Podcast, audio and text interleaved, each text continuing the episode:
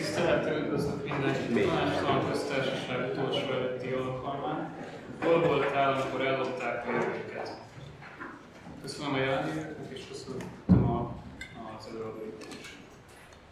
Susan George politológus mondja egy helyen, környezetvédelem túl gyakran lesz legfeljebb egy különálló tárgy vagy minisztérium, legrosszabb esetben pedig egy lábjegyzet vagy utólagos megjegyzés. Hasonló gondolatból kiindulva lett megszervezve a mai alkalom is, melyen a környezet és természetvédelmi intézményrendszert kívánjuk közelebb megnézni, valamint a civil érdekérvényesítés benne játszott szerepét. Provokatív címadással nem kifejezetten valamelyik kormányzatú felelősségére akartunk célozni, hanem a civil állampolgári felelősségvállalás szükségességére is. Ezen felül pedig még mindazokra az elszalasztott lehetőségekre, elégtelen kompromisszumokra vonatkozik, ami a legutóbbi 30 évben a Magyarországi zöld ügyeket jellemezte. Ez nem jelenti azt, hogy ne lettek volna sikereink a inspiráló kezdeményezések ezen a téren, de nem lehetett elmenni amellett, hogy célunk a természeti folyamatok egészséges működése és a hozzá kell intézményesült társadalmi jelzőrendszereknek és cselekvéseknek a minősége még mindig túlságosan messze áll miérteken és a hol továbbokon elgondolkodnunk, ha például egy dekarbonizált gazdaságot szeretnénk elérni 2030 és 2050 közötti időszakban. Bemutatnám elő egy újunkat. Farkas István a 90-es évek közepe óta tevékenykedik a zöld szektorban, 2002-ben ügyvezetője lett a Magyar Természetvédők Szövetsége Earth Magyarországnak, jelenleg társelnöke.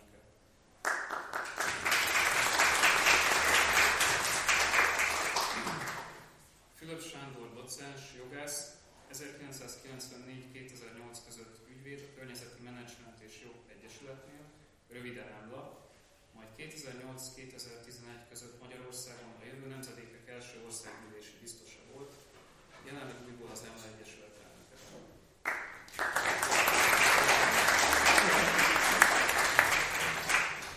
E felvezetés után szeretném megkérni Farkas István tartsa meg előadását, melynek címe Hogyan építették fel a természet és környezetvédelmet az ezredfordulótól napjainkig, a versenyképesség és a bürokrácia csökkentésében.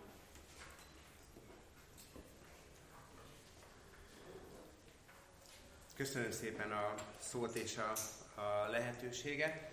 Egy nagyon vidám címet kaptam az előadáshoz, és talán az előadásom előső felében vissza is mondom ezeket a történéseket. Talán a második felében megpróbálok az okokkal is egy kicsit foglalkozni, hogy miért épül le a természetvédelem és a környezetvédelem, akár Magyarországon, vagy akár a világban. Rögtön egy elnézés kérdéssel kezdem, mert az elmúlt hetekben egy kicsit megfáztam így a természetvédelmi aktivizmus során, és néha köhögéssel fogom színesíteni az előadást, de remélem ezzel nem okozok nagy zavart, talán a mondani valóval inkább.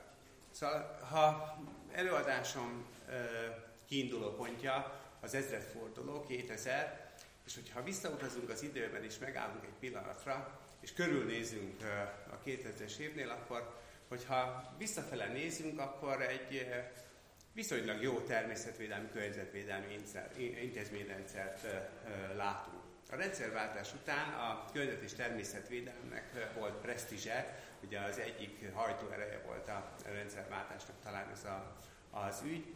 A 90-es években kiépült a Környezetvédelmi Minisztériumhoz kapcsolódóan egy csomó jogszabály, a nemzeti parkok rendszere, a hatóságok megerősödtek, pénzügyi alapok lettek, és ott 98-ban azért volt egy kisebb megingás az erőben, a kisgazdák megkapták ezt a minisztériumot, és egy pár év után a Fidesz úgy döntött, hogy mégis meg kell erősíteni ezt a szférát. Szóval 2000-ben úgy léptünk be ebbe az évezredbe, hogy Tudi Kovács Béla miniszterségével, haladtak előre az EU jogszabály harmonizáció, viszonylag erős jogszabályok voltak, és volt egy remény arra, hogy a természet és hogy környezetvédelemnek erős intézménye lesz Magyarországon.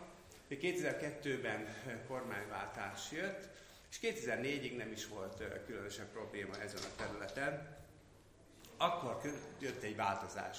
Ez a változás az, hogy csatlakoztunk az Európai Unióhoz. És a magyar politikai elit, aki addig úgy tekintett a környezetvédelemre, mint a csatlakozásnak egy lehetséges buktatójára, és ezért próbált evidensként viselkedni, jogszabályokat hozott, pénzt fektetett ebbe a, szférába. Úgy döntött, hogy most már hanyagolni lehet ezt a területet. A, a különböző gazdasági érdekek nagyobb súlyt kaphatnak ezen a területen, és 2004 után egy erózió indult meg a környezetvédelmi és természetvédelmi intézményrendszerben. Az egész közigazgatásban leépítések jöttek, ami erősebben érintette ezt a, a tárcát, elindult a nemzeti parkok és a felügyelőségek gyengítése. Ugye megígértük a csatlakozáskor, hogy megerősítjük a hatóságokat, ezt nem tettük meg, Magyarország nem tette meg. A vízügy visszatért a környezetvédelmi tárca kevelére. Talán emlékeznek néhányak, hogy a vízügyel mindig egy erős ellentéte van a, a környezetvédelmi, természetvédelmi mozgalomnak. 2005-ben fogadta el az agráris vidékfejlesztési programot Magyarország. Ekkor voltak a gazdatüntetések, talán emlékeznek erre, amikor is a Magosz és a többi partnere egy természetbarát agrárpolitikát követelt, mert az akkori kormány inkább a direkt kifizetésekre és egy olyan agrárdiumra tette a voksot, amelyik nem természetbarát és nem az agrárkörnyezetgazdálkodást helyezi előtérbe. Egyébként privatizációs gondolat is felmerült, később elvetette, és magával a környezetvédő civil szektorral is egyre bonyolultabb és összetettebb és konfliktusosabb lett a kapcsolata az akkori kormánynak. Elvonta a forrásokat a civilektől, vagy legalábbis csökkentette ezeket. Ekkor indult meg ugye a beruházások gyorsítása, különböző jogszabályok áthangolása, ami könnyebbé tette a környezetvédelmnek a háttérbe szorítását, de erről majd Sándor fog beszélni, azt hiszem. Pozitívumokat is mondhatunk erre a, az időszakra. Megalakult a Nemzeti Fenntartható Fejlődési Tanács, és hát zöld ombudsmanunk lett. Nem egy könnyen, de mégis egy egészen jó ombudsman sikerült ott kiválasztani akkoriban. 2010 új kormányt kaptunk, és ez a lassú erózió egy, talán azt mondom, egy zuhanásba fordult. Megszűnt az önálló tárca, a környezetvédelmi és természetvédelmi feladatokat gyakorlatilag három részre darabolták, egy fejlesztési minisztériumhoz, egy agrárminisztériumhoz került, illetve hát a belügyminisztérium vitte el a vízügyeket. És így a környezetvédelmi gondolat a közvetlen kormányzati szinten a minisztériumok, minisztériumi vezetők beszélgetései szintjén sokkal kevésbé tudott megjelenni. A hulladék gazdálkodást központosította a kormány szép lépése, két forrásokat van ki ebből a, a rendszerből, és így most az egész hulladékgazdálkodási rendszerünk egy, hát a működésképesség határán van.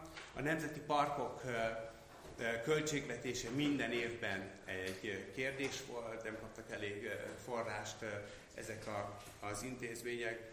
Az agrárkörnyezetvédelem háttérbe szorult a vidékfejlesztési programban, és hát a földforgalmi törvény, földbirtok privatizáció és egy birtokkoncentrációt indított el. Itt Natura 2000 földeket is privatizált a, a kormány. Talán emlékeznek rá, hogy a kormányzat megpróbálta a védett területek kezelését áttenni a nemzeti parkoktól a, a földalaphoz, amiből egy nagyobb vita lett, és nem csak az ellenzék és a kormány között, hanem a kormánypárton belül is, és a legvégén az alkotmánybíróság döntött úgy, hogy nem teheti meg ezt a, a kormányzat, mert fenn kell tartani a megfelelő védelmi szintet a természet védelemben. A felügyelőségek, amik addig önállóan működtek, legalábbis ugye egy szakpolitikai hierarchiában, azok bekerültek a kormányhivatalok hatáskörébe, és egy megyei rendszerbe olvadtak bele az eddigi vízgyűjtő rendszer helyett, és ugye a kormányzatnak a civil szervezetekkel tovább növekedett a, az ellentmondásos viszonya, gyakorlatilag nem támogatja anyagilag ugye a magyar kormány a környezetvédő civil szektor, eltűri, beszél vele, beszélget vele, de de hogy nem kapják meg a civilek azokat a forrásokat, amelyek mondjuk akár az első Orbán kormánynak az utolsó éveiben hozzá jutottak. Itt is beszélhetünk pozitív ügyekről és pozitív kérdésekről. Megszületett az alaptörvény, aminek a P cikkeje mindenki kötelező, mindenkinek kötelezővé teszi Magyarországon, hogy a természeti erőforrásokat védje. Köztársasági elnöki hivatalban kialakult egy ilyen ügyekkel foglalkozó igazgatóság, és ha bár az ombudsmani rendszer is átalakult, de azért hatékonyan tud működni. 2018 után azt hiszem mondhatjuk azt, hogy tovább folytatódott a leépülés ebben az intézményrendszerben. A környezeti államtitkárság tovább gyengült.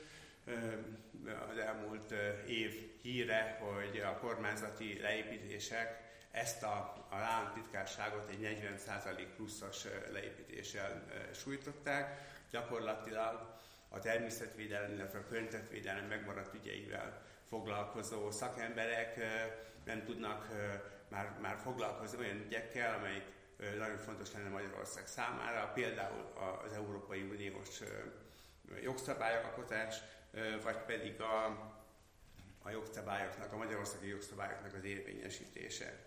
És uh, itt, itt vagyunk uh, most uh, Magyarországon, hogyha azt nézzük, hogy mi következik be, ugye sajnos nem akarok ötleteket adni a mindenkori kormányzatnak, de sajnos még mindig van mit leépíteni ezen a, a rendszeren.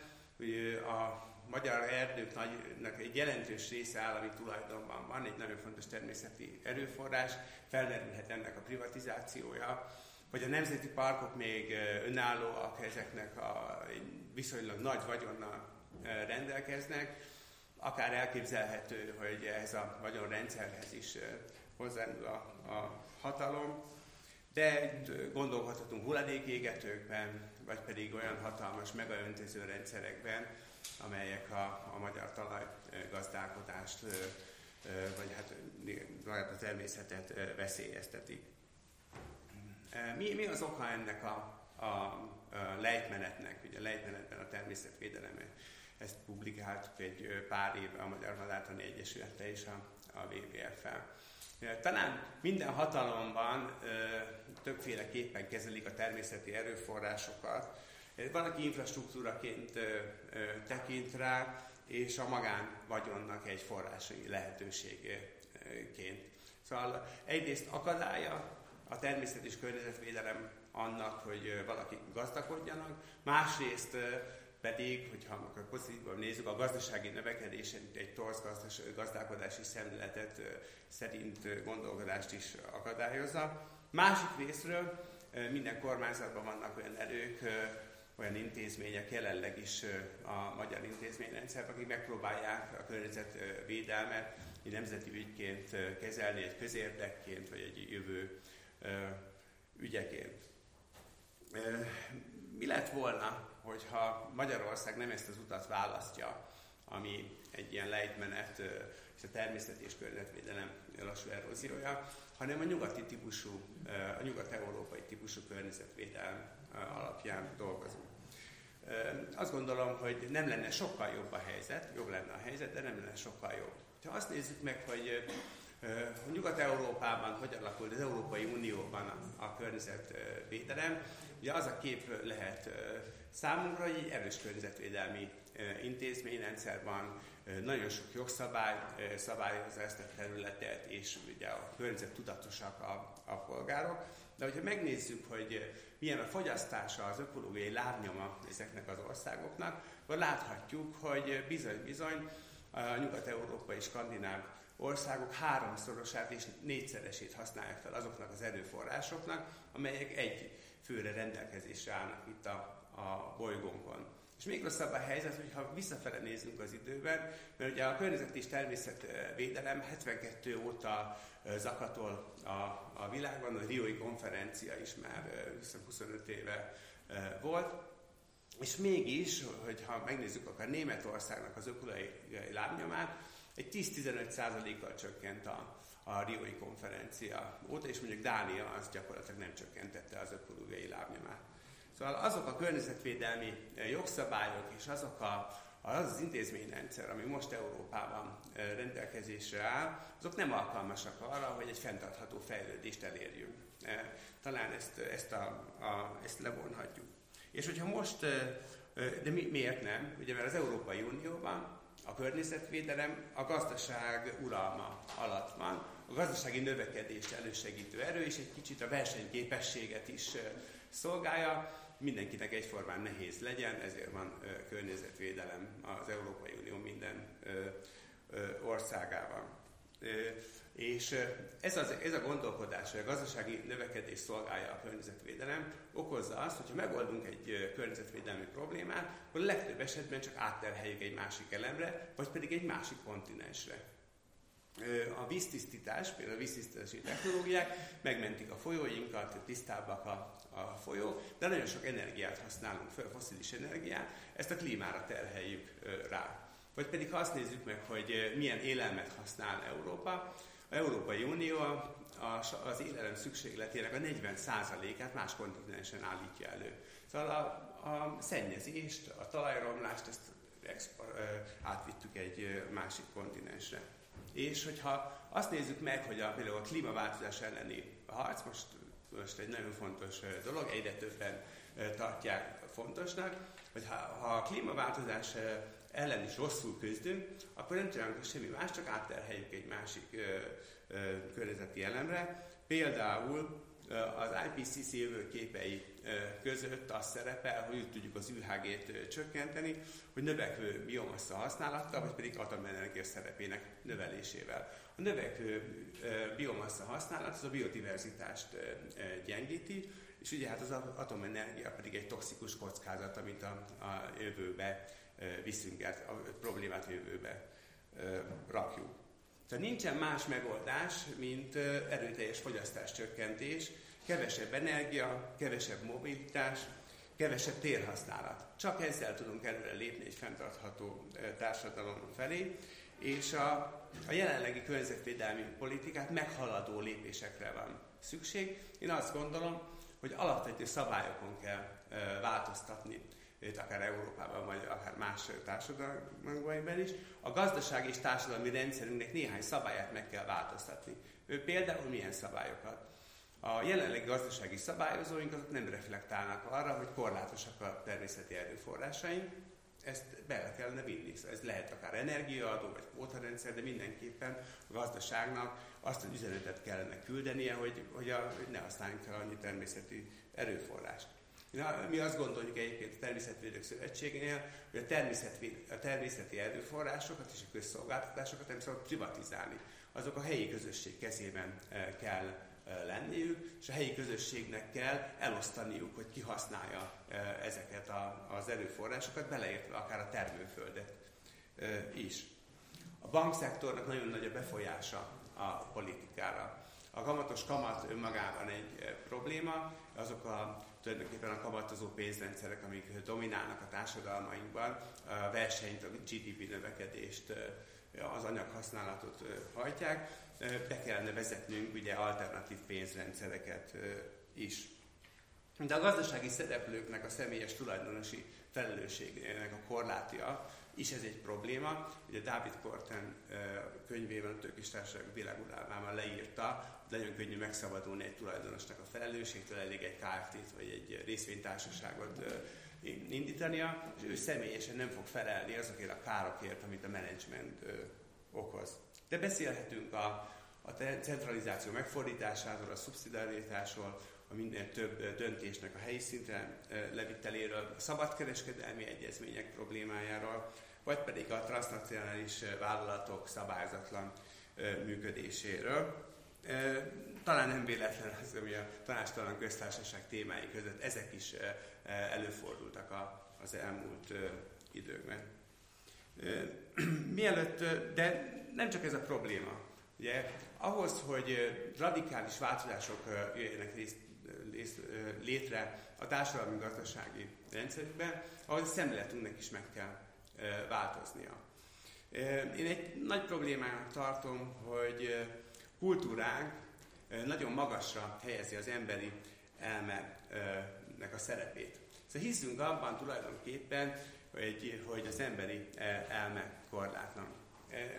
Ennek a bizonyítására két történetet hagy hívjak, de ami a kultúránknak egy alaptörténete. Az egyik Prométeusz története, Prométeusz ellopta a tüzet, Istenek megtiltották neki, de ő ellopta, odaadta az embernek, és büntetést kapott érte. A másik történet a Bibliából származik, az első ember pár, meg volt tiltva, hogy a tudás fájáról egyen, és mégis evett, ennek is a eredménye a büntetés, és ugye a paradicsomból való kiüzetés.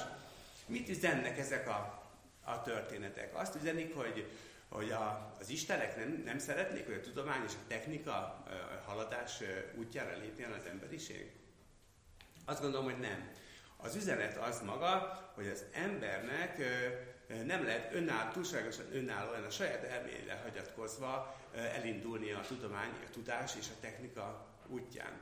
Hogyha az ember Istentől függetlenül a saját erejére támaszkodva akarja kormányozni a világot, akkor bekerül ebbe a csőbe, amit ugye nagyon jól ismerünk talán több ezer éve.